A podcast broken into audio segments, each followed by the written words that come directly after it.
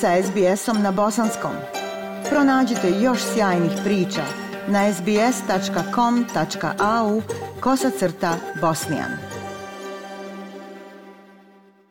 Pa Aisha, lijep pozdrav tebi i slušateljima SBS radija. Nekako su dva događaja obilježila proteklu sedmicu u Bosni i Hercegovini. Zasjedalo je vijeće za provedbu mira u Bosni i Hercegovini 5. i 6. decembra, a 6. decembra je ponovo odgođen početak suđenja Miloradu Dodiku. Evo ovo javljanje ću početi upravo sa tim događajem. Naime, u sudu Bosne i Hercegovine 6. decembra je odgođen početak suđenja predsjedniku Republike Srpske i lideru SNSD-a Miloradu Dodiku zbog nepoštivanja odluka visokog predstavnika u Bosni i Hercegovini Kristijana Šmita. Kon što je odgođen početak suđenja ispred suda Bosne i Hercegovine, bilo je dosta okupljenih pristalica e, Milorada Dodika, pored ostalih i zvaničnici iz Republike Srpske. Milorad Dodik se obratio novinarima i kazao je da za sada ostaje 20. decembar kao termin za nastavak suđenja. U zavisnosti od toga kakvu će odluku donijeti apelacijono vijeće po žalbi u roku od tri dana. Znači, Milorad Dodik postupak je nazvao političkim, iskoristio priliku da ponovo napadne Kristijana Šmita i ambasadora Sjedinih američkih država u Bosni i Hercegovini Michaela Marfija. Evo konkretno ću reći da ih je nazvao ljigavcima i kretenima. U nastavku, dakle, poslušajte obraćanje Milorada Dodika.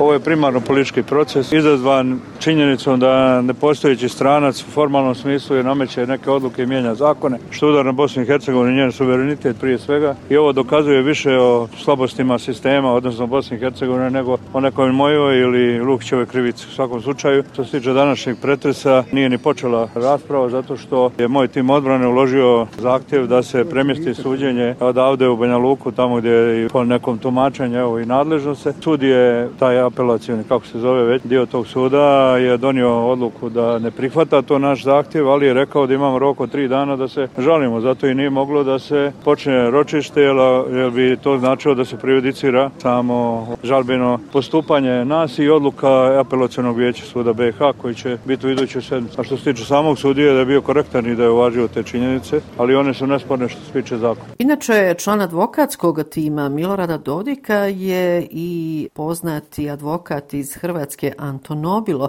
i on se obratio novinarima ispred suda Bosne i Hercegovine u Sarajevu i tom prilikom kazao da su neki već prejudicirali krivnju Milorada Dodika. Poslušajte i Anton Nobila. Pravo na pošteno suđenje i nezavisan sud je temelj svake pravno uređene države i svake demokrate. Dakle, svaki građani ima pravo na pošteno suđenje, pa onda i građani Milorad Dodd. A pravo na pošteno suđenje zahtjeva da e, se ne kontaminira i ne prejudicira krivnja okrivljenika. U svakom predmetu. Ovdje smo izvukli kao uzorke, kao primjerke istupe e, Kristijana Šmita, nekoliko ambasadora i nekoliko ministara koji su u medijima prejudicirali krivnju Mirolada Dodika, već spekulirali ko, kad, gdje, na koji način će ga uhapsiti, dakle on je kriv, on je gotov. Prema tome, to je nedopustiv pritisak na sud.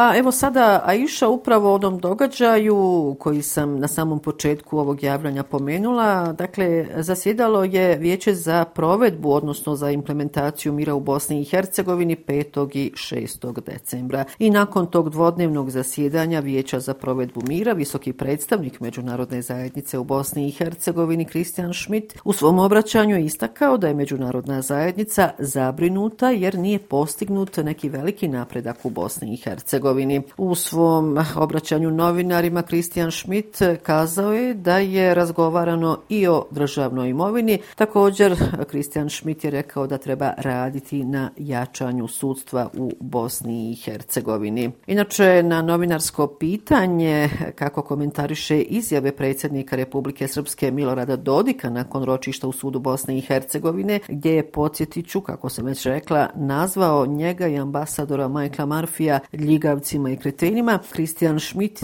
je istakao da su uvrede najsofisticiraniji način komuniciranja Milorada Dodika. To nije politički proces, to je proces gdje je gospodin Milorad Dodik na sudu. Ne radi se o srpskom narodu na sudu, nije Republika Srpska na sudu, nije Bosna i Hercegovina na sudu. Radi se o Miloradu Dodiku i on mora na pristojan način da prihvati da se radi o nepristrasnom pravosuđu. Evo u nastavku poslušajte između ostalog šta je Kristijan Schmidt, visoki predstavnik u Bosni i Hercegovini, rekao na ovoj preskonferenciji nakon dvodnevnog zasjedanja Vijeća za provedbu mira u Bosni i Hercegovini. The Peace Implementation Council met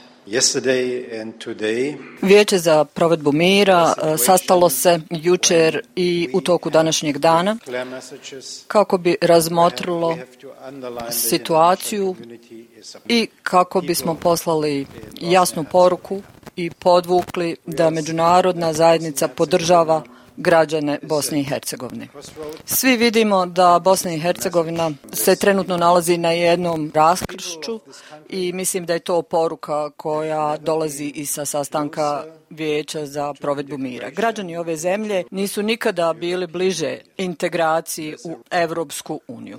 Postoji stvarna šansa da ćemo u sljedećih mjesec dana biti bliže tom cilju. Ovo bi Bosni i Hercegovini dalo jedan veliki podsticaj u smislu ekonomskog razvoja infrastrukturnih projekata, što bi bila dodatna garancija za stabilnost i sigurnost građana u ovoj zemlji. Zajedno smo došli do jednog zaključka da je sada potrebno pružiti svaku vrstu pomoći kako bi se podržao proces integracija. Taj proces nije završen. To je proces koji tek počinje i ovo će zahtijevati dosta opredeljenja i aktivnosti, a posebno od strane odgovornih političara u Bosni i Hercegovini. Ovo nije vrijeme da se opuštamo, nego je ovo vrijeme izazova i ja se nadam da svi to shvaćaju. Međunarodna zajednica je zabrinuta trenutno da nije postignut neki značajan progres u Bosni i Hercegovini. Građani Bosne i Hercegovine su spremni za Evropsku uniju,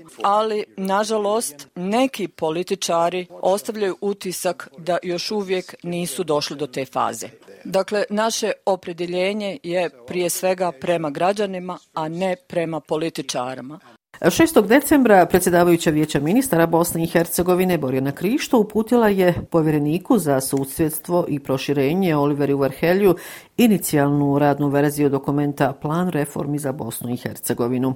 Ovaj dokument je pripremilo ad hoc tijelo vijeća ministara Bosne i Hercegovine i sadrži četiri prioriteta, a to su zelena i digitalna tranzicija, zatim razvoj privatnog sektora i poslovnog okruženja, razvoj i zadržavanja ljudskog kapitala i vladavina prava. Na temelju ovih prioriteta sačinjena je indikativna lista projekata i prioriteta koja će se dalje razvijati u dijalogu sa Europskom komisijom do marta sljedeće godine kada bi trebala biti usaglašena i finalna reformska agenda. U toj agendi bi bile pobrojane sve reforme i uvjeti koji su potrebni za odobravanje sredstava i investicijskih projekata. Bliže se praznici i blagdani i zbog silnih poskupljenja hrane brojne porodice će e, za predstojeće praznike imati siromašniju trpezu nego lani. Tako će, bar prema dosadašnjim izračunima Udruženja za zaštitu potrošača u Bosni i Hercegovini, za e, skromniju trpezu biti potrebno najmanje 300 konvertibilnih maraka, a za onu konkretniju i 600 konvertibilnih maraka, što je polovina prosječne plate u Federaciji Bosne i Hercegovine. U Udruženju za zaštitu potrošača Bosne i Hercegovine ističu da je potrošačka korpa skoro 3000 konvertibilnih maraka i da se samo na hranu izdvaja više od 43% tog iznosa. Prema udruženju potrošača u Federaciji Bosne i Hercegovine jasno je da brojne porodice nemaju dovoljno sredstava za prehranu na mjesečnom nivou. Inače, Ovdje se najavljuje akcija u Federaciji Bosne i Hercegovine se najavljuje pod nazivom Zaključane cijene. Ta akcija koju su pokrenulo Ministarstvo trgovine Federacije Bosne i Hercegovine u saradnji sa Udruženjem poslodavaca Federacije i drugim akterima e, trebala bi startati od 15. decembra. Inače, u Republici Srpskoj je od oktobra na snazi e, akcija društveno odgovorni u okviru koje su snižene cijene za 50 proizvoda. Prema dosadašnjim planovima, zaključane cijene u Federaciji Bosne i Hercegovine u velikim maloprodajnim objektima imaće više od 40 artikala, a u manjim više od 20. Te cijene će se odnositi na prehrambene, ali i druge artikle. Za kraj još jedna informacija. U Sarajevu je 4. decembra u 68. godini preminuo e, poznati bosansko-hercegovački književnik Hadžem Hajdarević. Nakon komemoracije BH književniku Hadžemu Hajdareviću 6. decembra koja je održana u Sarajevskoj vijećnici, Rejsul Ulema Islamske zajednice u Bosni i Hercegovini Husein Efendija Kavazović ispred Gazi Husrev Begove džamije u Sarajevu predvodio je dženazu namaz Hadžemu Hajdareviću. Bio je bojem po stilu življenja, a vjernik po opredjeljenju, rekao je ovom prilikom Rejska Vazović. Inače, Hajdarović je ukopan, e, kako rekao, 6. decembra na mezarju Grličića Brdo. Podsjetiću, Hadžim Hajdarević je objavio brojne knjige, poezije i proze, među kojima se ističu se oba obala, žive vode, gdje voda izvire i sutrašnje putovanje brodom. Dobitnik je brojnih književnih nagrada. Jedan je od autora riječnika bosanskog jezika te koautor pravopisnog priručnika bosansko, odnosno hrvatsko-srpskog jezika sa osnovama gramatike. Eto, iša ovom informacijom i završavam ovo sedmično javljanje iz glavnog grada Bosne i Hercegovine. Još jednom vam lijepe pozdrave iz Sarajeva šalje Semre Duranović-Koso. SBS na bosanskom. Podijelite naše priče preko Facebooka. Želite poslušati još ovakvih priča? Slušajte preko Apple podcasta, Google podcasta, Spotify ili kako god da primate svoje podcastove.